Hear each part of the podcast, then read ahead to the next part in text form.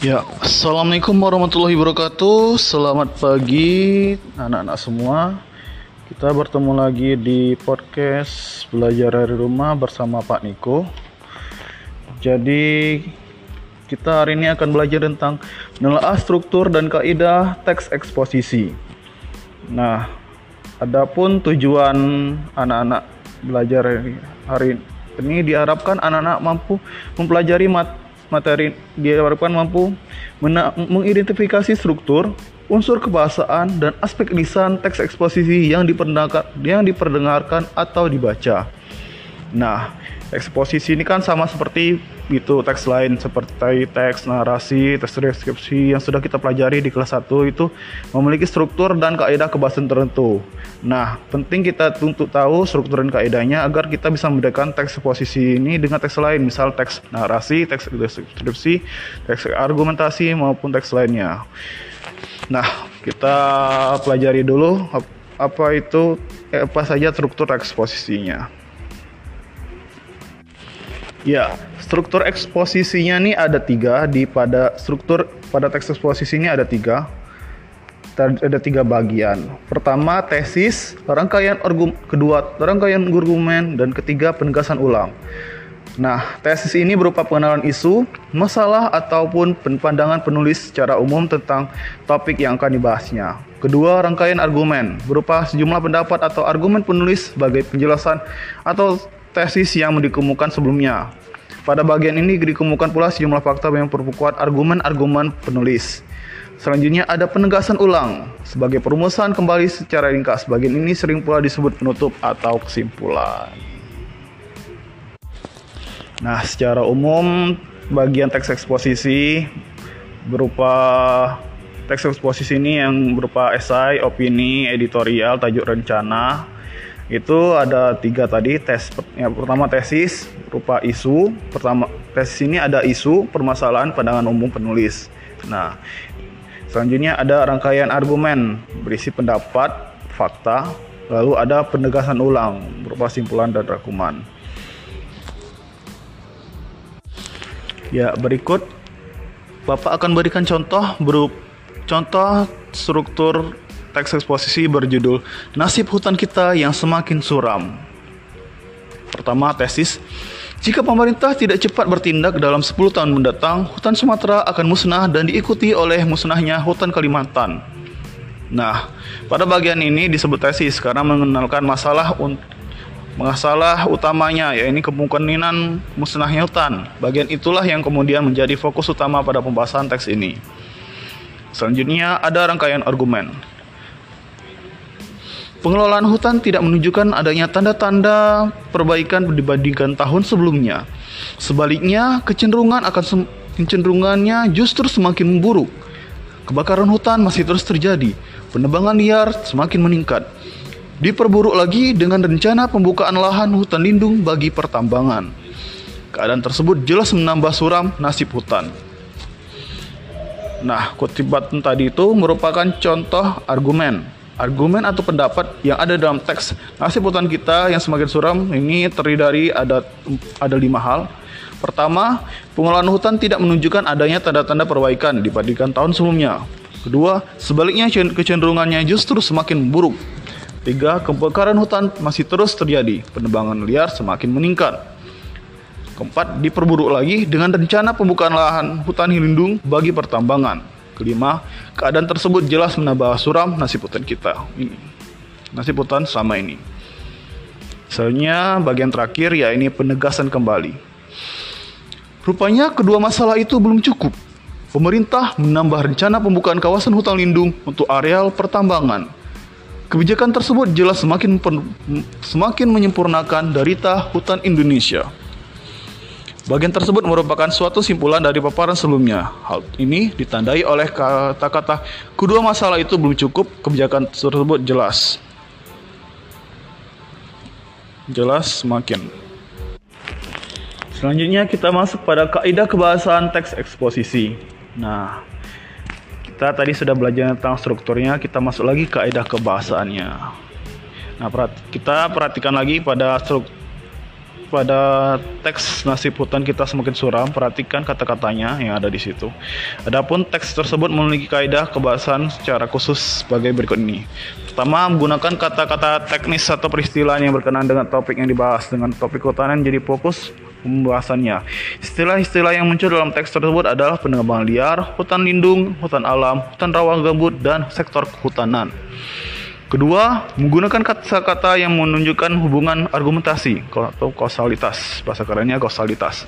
Misalnya, jika sebab karena dengan demikian akibatnya, oleh karena itu, selain itu, selain itu dapat pula digunakan kata-kata yang menyatakan hubungan kronologis keterangan waktu ataupun kata-kata yang menyatakan perbandingan atau pertentangan seperti sebelum itu, kemudian pada akhirnya sebaliknya berbeda halnya namun Gunakan kata-kata kerja mental atau mental verbal seperti diharapkan, memprihatinkan, memper, memperkirakan, mengagumkan, menduga, berpendapat, berasumsi, dan menyimpulkan. Keempat, menggunakan kata-kata perujukan seperti berdasarkan data, merujuk beda pada pendapat. Kelima, menggunakan kata-kata persuasif seperti hendaklah, sebaiknya, diharapkan, perlu, harus. Selain itu, teks eksposisi lebih sering menggunakan kata-kata denotatif, yakni kata yang bermakna sebenarnya. Kata-kata itu mengalami perubahan ataupun penambahan makna. Nah, di sini ada dua jenis kata, dua jenis pemaknaan kata, ini denotasi dan konotasi. Konotasi ini, denotasi ini ini makna lugas, ada makna lugas, cenderung lebih jelas, frontal, berbeda dengan sebaliknya makna konotasi yang bersifat pengandaian lebih mengandai lebih lebih melibatkan perasaan. Ya silakan anak-anak dengarkan baik baik-baik contohnya. Pertama makna denotasi. Kebakaran hutan masih terus terjadi. Penebangan liar semakin meningkat.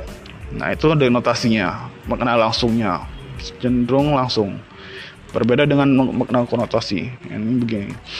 Daerah yang dijadikan sebagai tempat demonstrasi itu kini seolah-olah menjadi lautan manusia. Nah, jadi di sini beda di antara denotasi dan konotasi ini. Kalau denotasi cenderung tadi langsung, sementara konotasi ini menggunakan kata pengandaian seperti kini seolah-olah menjadi hutan, menjadi lautan manusia. Jadi ada pengandaian, ada lebih melibatkan indera perasa dan lebih lebih melibatkan indera dan cenderung melibatkan perasaan yang cukup kuat. Selanjutnya ada contoh lagi makna denotasi. Kondisi demikian mengakibatkan semakin merajalela penerbangan liar. Itu notasi jadi langsung kondisi disebutkan kondisi penerbangannya semakin merajalela. Sementara makna konotasi matanya tiba-tiba menjadi liar begitu melihat ibu-ibu yang mengenakan banyak perhiasan. Ini mengangkut transaksinya ini biasanya maling nih.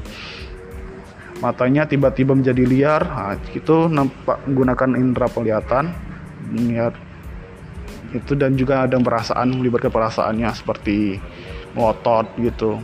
Begitu melihat ibu-ibu menggunakan banyak perhiasan. Nah gitu. Jadi dia seperti ingin ngotot lihat uh, ibu-ibu yang memakai emas atau lebih ibu yang kelihatan wah gitu. Jadi di sini dapat disimpulkan mengenai notasi ini menggunakan makna yang lugas, sangat lugas, frontal, jelas, berbeda dengan konotasi yang cenderung menggunakan pengandaian dan menggunakan pengandaian dan dan cenderung eh, dan cenderung menggunakan dan cenderung menggunakan lebih melibatkan indera dan lebih sangat melibatkan perasaan. Ya, secara umum teri, di sini ciri kebahasan eksposisi terdiri dari lima hal. Pertama, kata teknis. Kedua, konjungsi kausalitas. Ketiga, kata kerja mental. Keempat, perujuk, kata perujukan. Kelima, kata persuasif. Nah, demikian materi pada hari ini. Kita masuk pada tugas. Nah, untuk tugasnya silakan baca sebuah teks eksposisi lain ini teks posisi ini esai, opini, tajuk rencana, editorial. Baik dari media cetak maupun internet, bisa cari juga di internet. Kalau mau lebih mudah sih dari internet sih.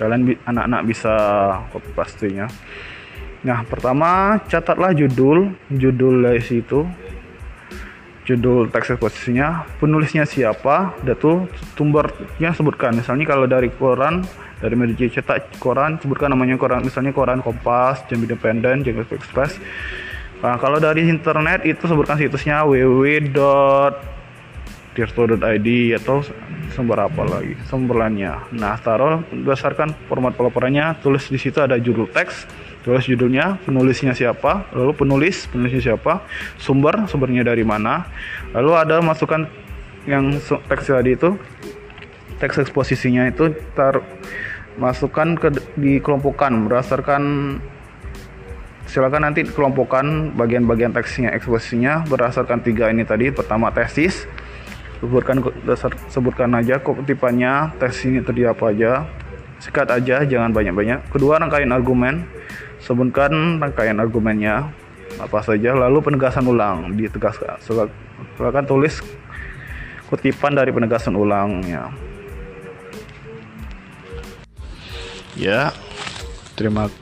Itu aja. Sekian materi kita pada hari ini. Semoga an, semoga anak-anak mengerti. Dan dan jangan itu pesan, pesan Bapak. Pesan Bapak jagalah kebersihan baik kebersihan diri maupun lingkungan. Ya walaupun libur jangan lupa mandi jangan malas mandi. Sering-sering cuci tangan. Rajin-rajin berolahraga. Dan berolahraga di rumah. Utamanya di rumah. Dan kalau keluar gunakan masker. Serta berbanyak aktivitas di rumah kurangi aktivitas di luar. Dan berhubung kota Jambi sedang kondisinya sedang tidak baik untuk malamnya jadi usahakan hindari keluar malam demi keselamatan anak-anak semua. Oke, itu aja. Dan mari sama-sama berdoa semoga pandemi corona ini bisa segera berakhir. Amin ya rabbal alamin. Saja sampai ketemu lagi di podcast belajar dari rumah minggu depan. Lupa kiri. Assalamualaikum warahmatullahi wabarakatuh.